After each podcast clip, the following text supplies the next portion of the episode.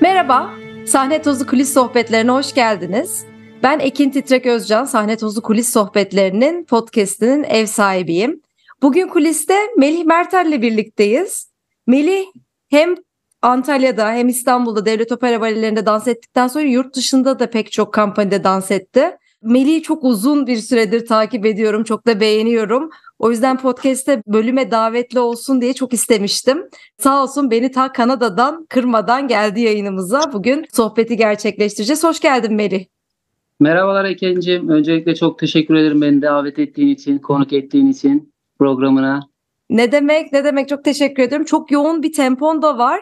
Her ne kadar aktif olarak dans etmeyi bıraksan da pek çok yerde hem da, konuk dansçı olarak hem konuk eğitmen olarak da davetli oluyorsun. O yüzden senin zaman planında böyle bir boşluk yakalamak benim için çok büyük bir şans. Bütün profesyonel hayatını konuşacağız ama hemen bir başa dönelim. Baleye nasıl başladı? Nasıl yolların kesişti baleyle? Baleye nasıl başladım? Her zamanki gibi bütün röportajlarımda verdiğim gibi annemin sayesinde başladım. Bir gün annem İstanbul Devlet Konservatuarı'nın önünden geçerken bale sınavlarının ilanını görüyor ve beni kayıt ettiriyor. Tabii ki de bu dönemde benim baleyle herhangi bir hiçbir bilgim yok. Ondan sonra eve geliyor. Hep beraber ev, evde yemek yerken annem birden söylüyor Necmettin, Necmettin benim babam. Melih'i konservatuarın bale bölümüne yazdırdım diyor. O dönemde babam asker subay olduğu için, disiplin içinde büyüdüğü için bir, bir gerildi. Hatta söylüyordu asker adamın nasıl balet oğlu olur. Tabii ki o dönemlerde herhalde aklında farklı fikirler parıldıyordu. Ama şimdiki tabii bizim bu başarılarımızı gördükten sonra şu anda kendisi de daha önceleri de geldiğinde gururla bizleri izliyordu, ağlıyordu. Bana da en son zamanlarda söylediği gibi yani bir ara konuşmamız olmuştu. Benim sanata ya da dünyaya bakış açımı çok farklılaştırdın diye bir söylemde bulunmuştu bana. O da beni çok mutlu etmişti tabii ki. Annem beni kayıt ettiriyor. Ondan sonra iki aşamalı sınavlara geçtikten sonra konservatuarda 11 yaşında bale hayatıma başlıyorum. Ortaokul döneminde 3 yıllık bir bilinçsizlik içerisinde çalışmaların içerisindeydim. Yani bu mesleği yapacak mıyım, sevecek miyim? Ondan sonra 3 yıl sonunda bir şeyler kafamda klik etti. Tamam dedim bu benim mesleğim olacak dedim. Ve ondan sonra zaten farklı bir yol anlayışında çalışmalarımı sürdürmeye devam ettim. Senin baban subay olduğu için herhalde tayin de görüyordu. Sen o dönem yatılı olarak okudun değil mi? Yok esasında o dönem şanslıydım. Çünkü babamın ikinci şark görevi tekrardan çıktığı için babam o dönemde şanslıydı. Erken emeklilik hakkı vardı ve emekli olmuştu 40'lı yaşlarda. O süreç bitmişti. Ondan önce konservatuar dönemine gelene kadar her sene bir şehir değiştiriyorduk. Her sene bir ilkokul değiştiriyordum mesela her sınıfta. Tahmin ederim.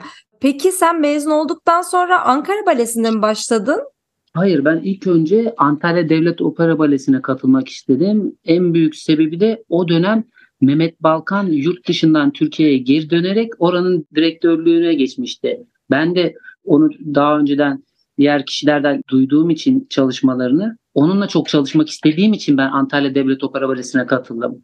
O gelmemiş olsaydı o dönemde büyük ihtimal İstanbul Devlet Opera Balesi'ne katılmayı denerdim. Antalya'da ne kadar kaldın peki Melih? Antalya'da 5 sene kaldım. Uzun bir, bir sene süre kaldın. 5. 5 pardon. 5 sene. Tabii tabii güzel bir dönemdi Bayağı. benim için. Ama 5 sene sonunda ben hep kendimi şanslı hissederim kaderim yönünden. 5 sene sonunda benim için orası tamamdı. Alacağımı almıştım ve bir şekilde değiştirmem gerekiyordu. O dönemde de yüksek lisans yapmak istedim ve yüksek lisans hakkımı kullanarak geçici görevle İstanbul Devlet Opera Balesi'ne tayin Hı oldum. Ve o süreçte bana farklı şeyler kattı. Ondan sonra şu anda tam hatırlamıyorum kaç sene dans ettim. Orada da bayağı dans ettikten sonra 2012 yılında Washington DC Balesi'ne katıldım yurt dışında. Şimdi senin bir yurt dışı hikayene girmeden önce şöyle bir Tamam. sözün vardı bir TED konuşmasında TED Talk yaparken hayalleri büyük kurmak lazım. Hatta o kadar büyük olmalı ki söylediklerine insanlar gülmeli demişsin. Çok hoşuma Doğru. gitti söylediğin. Doğru. E, Senin Doğru. o hayalin yurt dışında dans etmek miydi?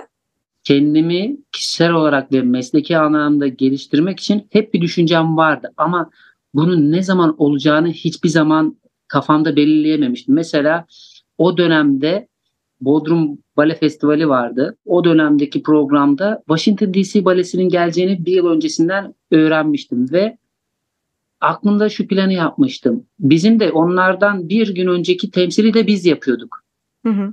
Ondan sonra eğer dedim kendi içimden temsilden sonra orada kalırsam sağ olsun Zeynep Sunal da direktörüydü, sanat direktörüydü. Dansöz görevi yaptıktan sonra beni de arkada teknik göreve aldı. Festivalde biraz da değişik şeyler öğrenin diye. Ben de zaten bu konuyla ilişki kurdurarak kendime onlar geldiğinde de belki bir gün bir bale dersi yaparım dedim. Hı hı. Kendi aklımın içinden. Ve o hayali bir yere koydum. Ondan sonra bir yıl sonra geldi her şey kendi güzel temsilimi yaptım. Temsilimi yaptıktan sonra ertesi günde sahne arkasında ne gerekiyorsa yardım olunacaksa o görevlerde görev aldım. Ondan sonra zaten Washington Ballet'e bizim son temsilimizin gününde varmışlardı otele. Ondan sonra ertesi günde zaten izin istedim dersinize girebilir miyim diye. Ondan sonra tabii ki Zeynep abla da çok yardımcı oldu bağlantılar konusunda. Ders sonrası Washington DC Balen Direktörü Septem Weber beni yanına çağırdı bana kontrat vermek istediğini söyledi. Zeynep abla da yanında oturuyordu zaten. Ondan sonra ben de tamam dedim. Harika. Kabul ettim. Kontrat hazırlığı süreci başladı. O biraz stresliydi. Çünkü devamlı yazışıyorduk Washington DC balede.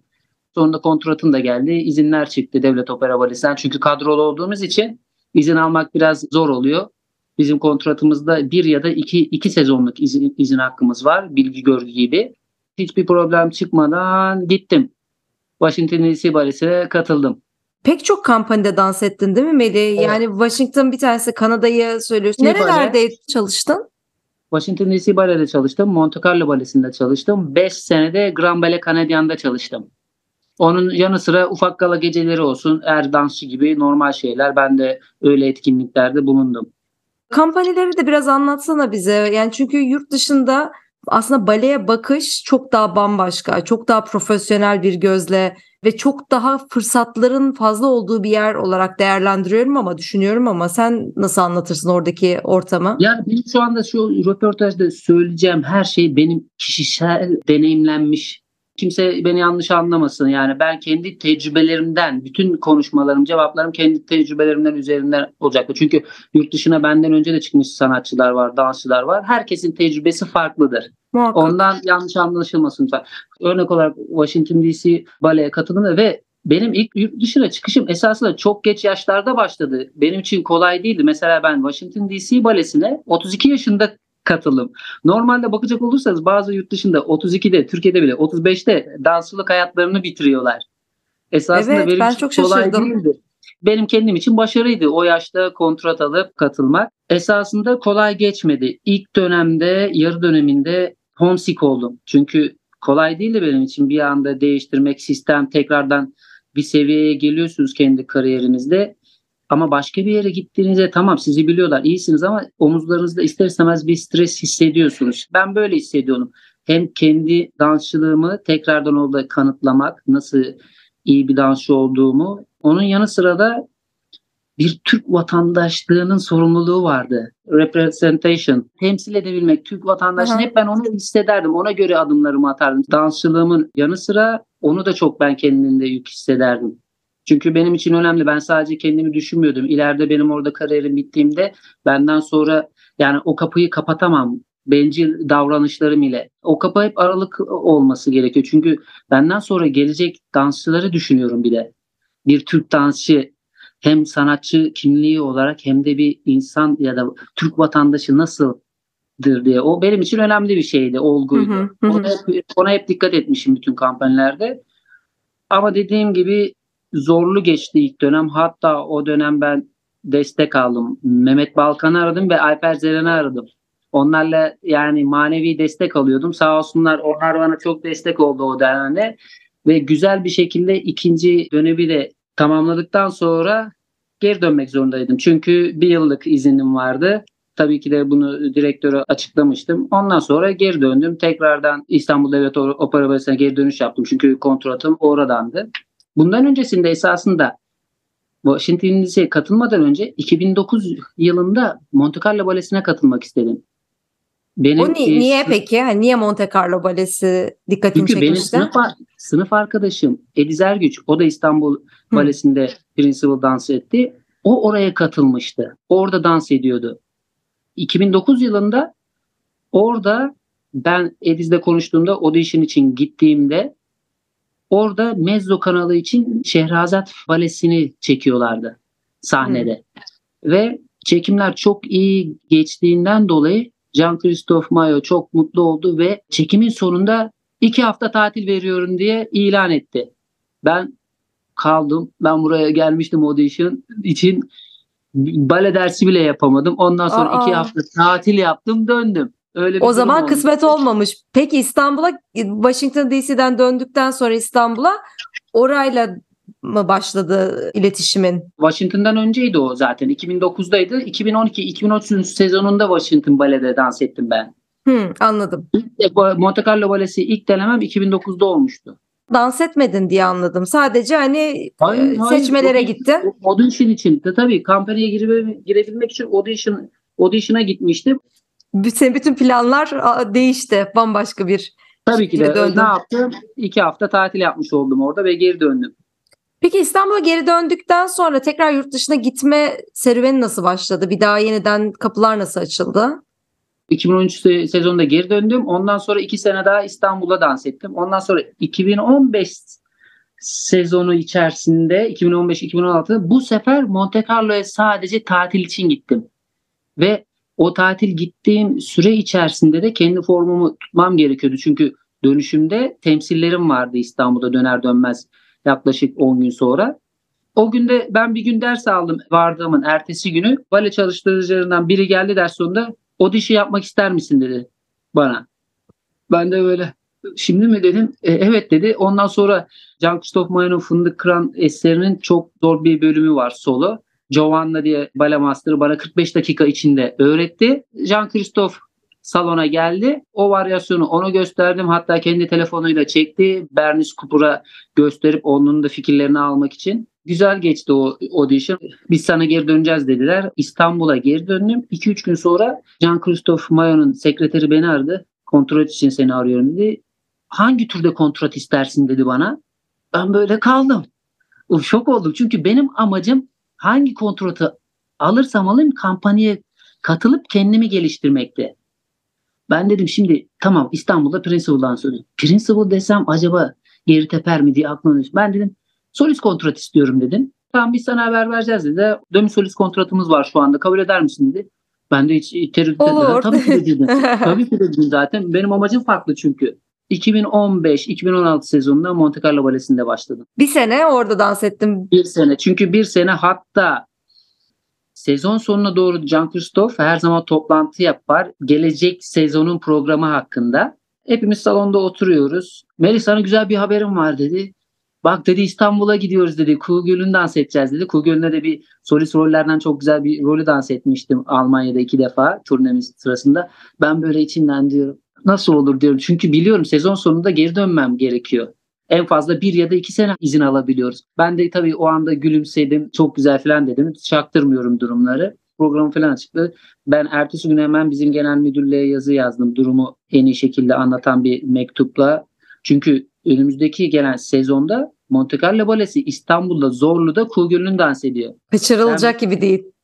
Tabii. Ben o dönemki genel müdürlüğe yazı yazdım, anlattığım durumu bir sezonda izin istedim ve izin vermedi. Esasında çok kötü bir şey oldu. Bir sanatçının elinden neyi almış olduğunu farkına varmadılar. Hatırladığım kadarıyla ilk defa olacaktı. Benden öncesi varsa bilemiyorum tabii de hatırlamadığım ya da bilmediğimden dolayı.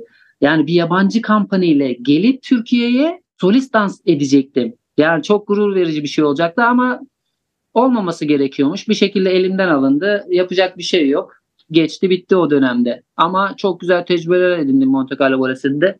Zor geçti benim için de çünkü oranın temposu çok farklıydı bizlerin temposuna kıyaslar isek. Ama güzel işler de yaptım. Daha da güzelini yapabilirim. Nedense orada bazı dönemler daha iyi yapabileceğim şeyleri bir türlü kitlendiğim için bir sebeplerden dolayı güzel aktaramadım. Yani kötü değil ama daha verimli aktarabilirdim. Çünkü Sen o potansiyeli biliyorsun. Aynen öyle. Burada Montreal'de olmadı. Belki de dediğin gibi tecrübeyle yıllarla belki birkaç sene daha kalsaydım o olayı aşmış olacaktım. Ama güzel temsiller de yaptım orada. Tecrübe bunlar. Kötü bir şey değil yani. Sonuçta Gerçekten kolay iş değil yani. Yurt dışında çalışmak kolay iş değil. Zorluk kısımları neler? Ülkeni özlemek, o sorumluluklarını anlıyorum. Bir yandan çok yeni bir ortama giriyorsun, o ortama adapte olmak. Ama dansçılar arasında belli dinamiklerde de zorluklar yaşıyor muydun? Hani dışarıdan Dansçı- gelmişsin sonuçta. Hayır benim ilişkilerim çok iyiydi. Mesela mesleki başarımın yanı sıra şu ana kadar çalışmış olduğum kampanyaları birini yollayın. Benim hakkında soru sorun. Bir tane kötü bir şey duyacağınızı sanmıyorum. Yani çünkü hep pozitifimdir. İlişkilerim çok iyidir. Ondan dolayı şu anda hep her yerden güzel ayrıldığım için çok güzel bağlantılarım var. Zaten en başta da onu demek istedim. Hem tamam benden geleni soru düşünüyorum ama esasında bir nevi de doğal olarak da bir şey için zorlamıyordum. Benim naturalimde var zaten. Kanada'dan ayrılırkenki videonu da hatırlıyorum şimdi gözümde canlandı. O kadar güzel bir veda yapmışlar ki sana. Evet Ee, çok evet sağ duygulu, olsunlar. çok hoş yani. Tabii tabii çok güzeldi. Hatta onun için de zaten dediğim gibi gerçekten dürüstçe ve kimliğinizi saklamadan bağlar kuruyorsanız onun geri dönüşümü size farklı oluyor zaten. Ya şu anda öyle bir bağ içinde olmasaydım diyelim ki kötü ayrılmış olsaydım esasında benim gelecekteki köprümü yıkmış olmuş oluyordum. Çünkü şu anda beni davet ediyorlar. Hocalığı olsun ya da çalıştırıcı olsun. Güzel bir şeyler sonuçta. İki haftada gitsem bir kampanya ders veriyorum. Bir şey yapıyorum. Sonuçta bu benim geçmişimle alakalı bağlantı. Muhakkak. Montreal'e geçişi bir de sana sorayım eksik kalmasın. Mon- Montreal'e geçiş benim esasında Monte Carlo'da dans ederken eşimle tanışmış olmam Hmm. modda. Kampanyadan ayrılmama son bir ay kala biz ilişkiye başladık orada. İstanbul'a geri döndüm ve iki sene git gelli yaşadık. O geliyordu aralarında ben gidiyordum. İki sene sonunda o da ülkesine geri dönmek istedi. Çünkü 13 seneden beri oranın dansçılığını yaptı mod. O da dönmek isteyince tabii aramızda konuşarak hangi ülke bizim için daha iyi olacağına karar verme aşamasına girdik. Çünkü o dönemde de söylemek istemem ama yani ülkenin gidişatı ekonomik olarak. Çünkü orada yaşamış olsaydık biz biraz zorluk çekecektik. Senede iki defa onun ailesini ziyarete gelme ya da buralara gelme ekonomik yönden. Çok zor. Çok zor. Hele şu anda zaten düşünemiyorum. İşte güzel hesaplarımızı yaparak hangi taraf avantajlı olacağını karar vermek için en sonunda Kanada dedik. Çünkü sanatçıların maaşları her yerde aşağı yukarı bellidir ama ekonomik refah düzeyinden dolayı Türkiye'ye daha rahat gelebiliyorum. Hiç olmazsa benim ailemi görmeye iki defa olsun, bir defa olsun yılda. Hı hı. Ondan dolayı Kanada'ya taşındık. Onun kendi şehrine. Ve esasında çok komik bir olay. O oradan istifasını verdikten sonra ben istifamı verdikten sonra ikimizin de işi yoktu. İstanbul'da bir sabah uyuyoruz evde normal olarak ve telefon. Gran Bella Canadia'nın direktörü Ivan Cavaliere modu arıyor. Böyle böyle iki kontrat var. Mod oranın principal'ı, benim buranın principal'ıyım. İstanbul'un yani Türkiye'nin. İki tane Cordoba'la kontratı var dedi. Telefon kapalı. Ondan sonra konuştuk. Zaten bizim Kanada'ya ikimiz de geçmiş hayatımızı bir kenara bıraktık. Pozisyon olsun, kariyerimiz olsun. Bizim amacımız ilk öncelikle Kanada'ya beraber gidip hayat kurmaktı. Ne olursa olsun. Ve e, birkaç gün sonra kararımızı açıkladık. İkimiz de Cordoba'la kontratla Gran Bale Kanada'ya katıldık. Ondan sonra süreçte zaten mod yükseldi. Benim sakatlıklarım oldu. Ben istediğim pozisyonlara gelemedim falan vesaire. Ama güzel roller dans ettim. Yine başroller sadece Cordoba'la kontratının isminde o bir etiket olaraktı benim kontratımda esasında. Maddi olarak da çok farklılıklar da yoktu Principal ama işte orada sizin egonuz devreye giriyor. Sizi Evet, evet bence çok ve- önemli. Çok önemli bir şey bence şu an bahsettiğin. Evet, o e, insanın biraz egosuna şey yapıyor. O sizi yıkabilir de o egoyu kontrol edebilirseniz başarıya da ulaştırabilir. Ben iyi kontrol ettiğimi düşünüyorum. Çünkü herkes de ego var. Ama onun balansı ya da kontrolünü Tabii. etmemiz çok önemli. Ego ben demek çünkü onu ben tamamen silemem. Muhakkak. E, bir de- Yani bir de burada hayatında neyi önceliğe koyduğun çok önemli.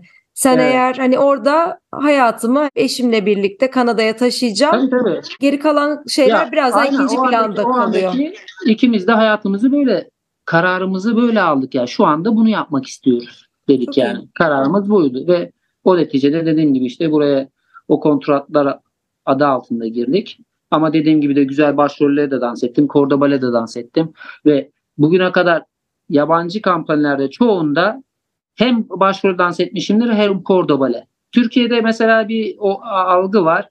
Principal dans eden ötekine kaymak istemiyor. Hı-hı. Esasında yine ego ile savaşıyoruz diye düşünüyorum orada. Esasında gerçekten bu mesleğe gönül verdiysek, aşıksak esasında her sahneye adım attığımızda mutlu olmamız gerekiyor. Korda da dans etsek, dömü soliste, soliste, başrolde dans etsek, mesleği seviyorsak o ışıkların altında olmamız zaten bize yetmeli diye düşünüyorum. Çok güzel şeyler söylüyorsun Melih.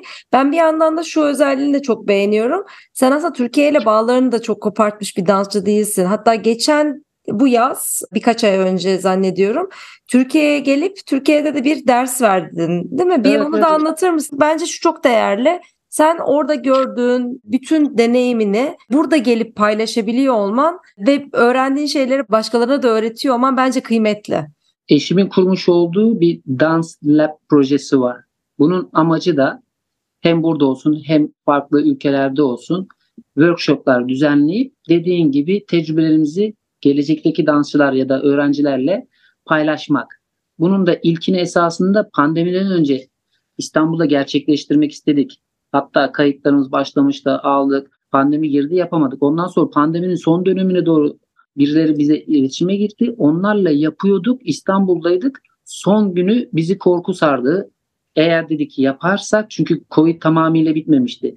Eğer bir virüs kaparsak ve Covid pozitif çıkarsak ülkeye geri dönemezsek bizim bütün her şeyimiz aksıyordu. Çünkü biz devlet opera balesi gibi para kazanmıyoruz. Biz çalıştığımız zaman para alıyoruz. Eğer dönemeseydik bütün ödemeleriniz aksayacaktı ve o son gün kararı biz üzülerek organizasyon yapan kişileri aradık. Tabii ki de bize biraz kızdılar doğal olarak her şey yazılar ama biz kendimizi düşünmek zorundaydık. O zaman da iptal ettik ve bu süreçten sonraki bu geçtiğimiz Haziran ayında nasip oldu. Birkaç ay öncesinde Süreyya Operası'nda çok sağ olsun Aslı Hanım var. Tabii yıllarca orada dans ettiğimiz için güzel bağlantılarım vardı. Kendilerini de çok severim. Onunla iletişime geçtim. Nasıl sahneyi alabiliriz diye yol gösterdi. Dilekçelerimi yazdım Kadıköy Belediyesi'ne. Ondan sonra sağ olsun onlar sahneyi tarih boşluklarını söyledi. O tarihler arasından bir günü seçtik. Ve sıkıştırılmış bir program oldu esasında bizim yerimiz ve zamanımız olmuş olsaydı esasında bu workshopların 4-5 günlük olmasını tercih ederiz. Daha verimli olabilmek için. Çünkü yaş gruplarını ayırabilmemiz için daha verimli olurdu öğrenciler için. Şimdi sıkıştırmış olduğu için bu programda güne pilatesle başladık. Bir saat. Ondan sonra Master Ballet Class benimle İlke ile İlke Kodar'la klasik bale repertuarı, mod ile de modern workshop Workshop'un sonunda da mod çok güzel 10 dakikalık Marco Gögen'in Tüve diye bir eserini sergiledi. Ve o da o eserde çok anlamlıydı. Çünkü tüve ölüm demek. Ve biz bu geceyi ya da bu workshop gününü depremzedeler için yararına adamıştık. Çok enteresan olmuş. Çok hakikaten evet. güzel ve kıymetli. Kaç kişi katıldı? Yaklaşık 40 kişi. Çok streslilik başlarda. Çünkü buradan kayıtları takip ediyoruz gerçekten katılım sayısı önemli bizlerin motivasyonu açısından. Tabii ki de biz konuşuyorduk aramızda. iki kişi de, üç kişi de katılsa verebileceğimizin en iyisini vereceğiz. Sayıya bağlı değil yani bizim onlara ileteceğimiz tecrübeler. 40 kişiye yakındı. Esasında Süreyya Opera sahne içerisinde Allah'tan kotamız 50 dedi. Sonra dedik Allah'tan 50 kişi olmuş. Çok fazla kişi olacaktı. Çünkü bir salonumuz olduğu için. Çok memnun olduk katılımdan da. Katılımcılar da çok memnun oldu. Ama dediğim gibi çok daha verimli olabilirdik eğer 5 güne yaymış olabilseydik. Ama bu da bir başlangıçtı. Bizler de öğreniyoruz. Böyle projeler yaptığımızda eksiklerimizi görüyoruz. Onları tamamlayacağız ileriki dönemlerde yaparsak tekrardan. Ama çok mutlu ayrılık, güzel sonuçlar aldık.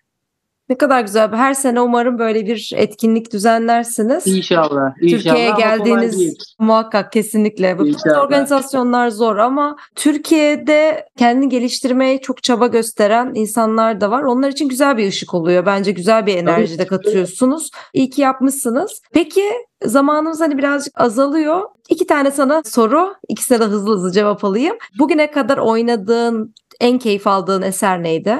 Güzel. Güzel. Unutamam. Hatta şurada posterime bakıyorum. Yani posterimde bir tane çok sevdiğim bir fotoğrafıma bakıyorum. Duvarda asılı. Çoğu baleyi severim ama benim için ayrı bir yeri oldu Jizel'in. Harika. Jizel'i sevenler ayrı bir kulüp bale yaparken adım atarken sayıda sadece sahnede yürürken Jizel'den keyif almayı Arkın Mesela, söylemişti. Arkın Zirek söylemişti. Benim için de ikinci perdede ilk girişimizde Oboa beni başka dünyalara götürür. Mesela bazı versiyonlarda oboa çalmaz keman çalar. Beni en çok etkileyen o girişte oboadır. Harika. İlk mezarlığa yürüyerek girdiğimiz çok sahne. etkileyicidir kesinlikle o sahne. Peki son soruma geliyorum Melih. Senin sahne tozu tanımın nedir? Benim için sahne tozu aşktır. Aşksız yapamayız. Zaten o kadar böyle keyifle anlatıyorsun ki içindeki o aşkı ben de hissediyorum. Çok sağ ol Melis. Ben seninle sohbet etmiş olmaktan çok keyif aldım. İyi ki katıldın. Bütün bu yoğunluğuna rağmen katıldığın için çok çok teşekkür ediyorum. Seni hep çok keyifle izledim, takip ettim. Umarım bir gün yüz yüze de görüşme şansımız olur. Seni yüz yüze de izleme fırsatım olur. Tekrar çok teşekkür ederim katılımın için. Rica ederim. Ne demek? Ben çok teşekkür ediyorum zaman ayırdığınız için sizlere. Görüşmek üzere. Sahne Tozu Kulis Sohbetlerinin bölümlerini Instagram ve Patreon sayfalarından takip edebilirsiniz.